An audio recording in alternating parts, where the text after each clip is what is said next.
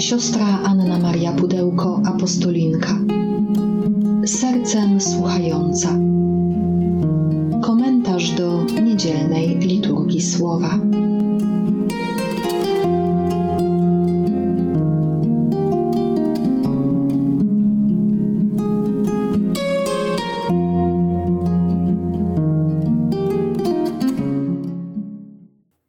Z Ewangelii według świętego Mateusza. Jezus powiedział do swoich uczniów: Gdy brat twój zgrzeszy przeciw tobie, idź i upomnij go w cztery oczy. Jeśli cię usłucha, pozyskasz swego brata. Jeśli zaś nie usłucha, weź z sobą jeszcze jednego albo dwóch, żeby na słowie dwóch albo trzech świadków oparła się cała sprawa. Jeśli i tych nie usłucha, donieś Kościołowi, a jeśli nawet Kościoła nie usłucha, niech ci będzie jak poganin i celnik. Zaprawdę powiadam wam, wszystko, cokolwiek zwiążecie na ziemi, będzie związane w niebie, a co rozwiążecie na ziemi, będzie rozwiązane w niebie. Dalej, zaprawdę powiadam wam, jeśli dwóch z was na ziemi zgodnie o coś prosić będzie, to wszystko otrzymają od mojego Ojca, który jest w niebie. Bo gdzie są dwaj albo trzej zebrani w imię moje, tam jestem pośród nich.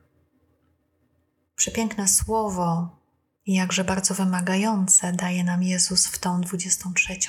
niedzielę roku liturgicznego. Jest to dobra nowina o upomnieniu braterskim czy siostrzanym. Gdy twój brat wywierze, gdy twoja siostra wywierze, zgrzeszy przeciw tobie, idź i upomnij w cztery oczy. Wydaje się takie proste, ale jakże trudne czasami jest dla nas. Czy potrafimy upominać ewangelicznie? Czy raczej, kiedy ktoś zrobi nam jakąś przykrość czy jakąś krzywdę, to zamiast iść i upomnieć w cztery oczy, mówimy wszystkim w koło, bo nie mamy odwagi się skonfrontować. Upominać możemy na dwa sposoby. Upominać możemy ze złością, bo nas bardzo zabolało, rozjątrzyło, e, w chęci odwetu, ale wtedy, gdy upominamy ze złością, to też upokarzamy drugiego.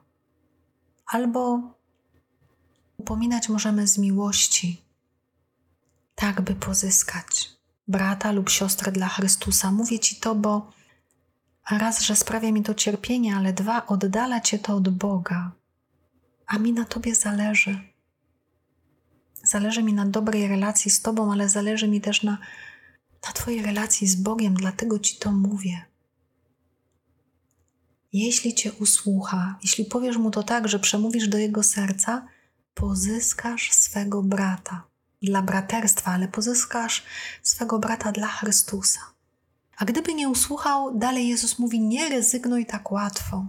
Weź ze sobą jeszcze jednego albo dwóch i razem z nim rozmawiajcie. Znowu z miłością, z odpowiedzialnością, z prawdą, bez poniżania, bez wrogości, bez pogardy, ale rozmawiajcie. A jeżeli on jest tak nieustępliwy, że i tych, których przyprowadzisz ze sobą, nie usłucha, donieś Kościołowi, czyli powiedz przełożonym, przełożonym wspólnoty parafialnej czy diecezjalnej. A gdyby nawet i ich nie usłuchał, niech ci będzie jak poganin i celnik. Jak celników i pogan traktował Jezus? Z miłosierdziem z miłosierdziem. Więc wtedy, jeżeli nikogo nie słucha, dalej módl się o jego nawrócenie, o przemianę serca. A z drugiej strony też możemy spojrzeć, że w tej przypowieści możemy być tymi, którzy są proszeni jako świadkowie. Albo być może ktoś z nas pełni posługę bycia przełożonym w jakiejś wspólnocie, czy liderem wspólnoty. I też trzeba wtedy przyjąć tą postawę wysłuchania, rozeznawania i napominania. w duchu miłości, ale też w duchu odpowiedzialności. I dalej mówi Jezus, że jeżeli dwóch z Was zgodnie o coś prosić będzie, wszystko otrzymają od Ojca.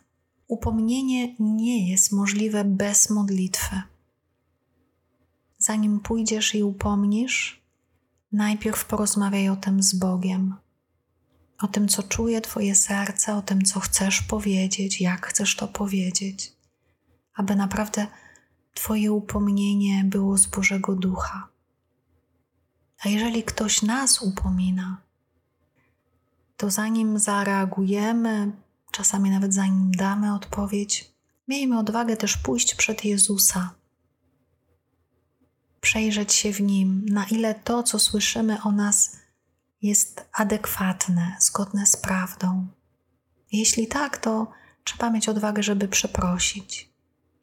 A jeśli nie, to może, żeby wyjaśnić, a czasami unieść niesłuszną krytykę. Nie rezygnujmy nigdy z modlitwy, bo ona prowadzi nas do prawdy, do przejrzystości, do pokory. I ufajmy mocy sakramentów, szczególnie sakramentu pojednania. To, co będzie związane na ziemi, będzie związane i w niebie, to, co jest rozwiązane na ziemi, będzie rozwiązane i w niebie. Pan, jak mówi papież Franciszek, nigdy nie męczy, nie nuży się przebaczaniem to my męczymy się i nie jesteśmy na tyle pokorni, by wciąż na nowo przychodzić do Niego i prosić Go o przebaczenie. On pragnie nam nieustannie przebaczać. A my, na ile jesteśmy gotowi prosić Go o to. O tej odwadze upominania przypomina nam także pierwsze czytanie zaczerpnięte z księgi proroka Ezechiela.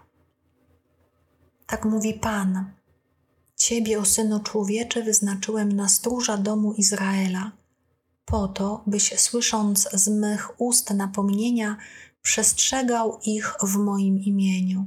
Jeśli do występnego powiem, występny musi umrzeć, a ty nic nie mówisz, by występnego sprowadzić z jego drogi, to on umrze z powodu swej przewiny, ale odpowiedzialnością za jego śmierć obarczę ciebie. Jeśli jednak ostrzegłeś występnego, by odstąpił od swojej drogi i zawrócił, on jednak nie odstępuje od swojej drogi, to on umrze z własnej winy, ty zaś ocaliłeś swoją duszę. Wśród uczynków miłosierdzia mamy także i te grzesznych upominać.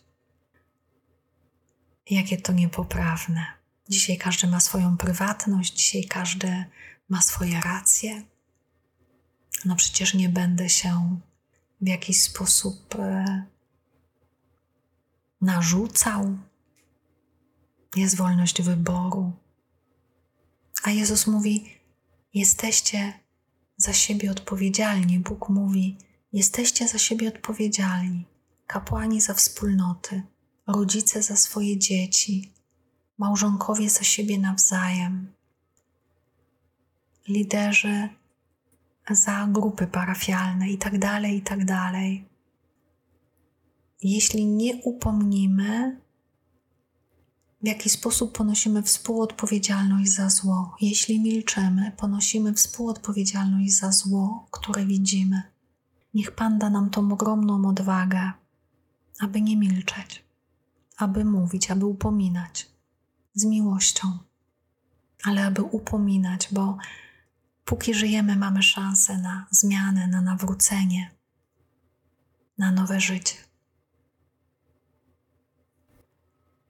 Psalm 95 to radość z bliskości z Panem. Ten, kto przyjmuje upomnienie, ten, kto ma odwagę się nawracać, może śpiewać z radości. Ten, kto nie wstydzi się prosić o przebaczenie, po raz kolejny i kolejny i kolejny może cieszyć się Bożym błogosławieństwem. Przyjdźcie, radośnie śpiewajmy Panu, wznosimy okrzyki ku chwale opoki naszego zbawienia. Stańmy przed obliczem Jego z uwielbieniem, z weselem śpiewajmy Mu pieśni. Przyjdźcie, uwielbiajmy Go padając na twarze. Klęknijmy przed Panem, który nas stworzył, albowiem On jest naszym Bogiem, a my ludem Jego pastwiska i owcami w Jego ręku. Obyście dzisiaj usłyszeli głos Jego.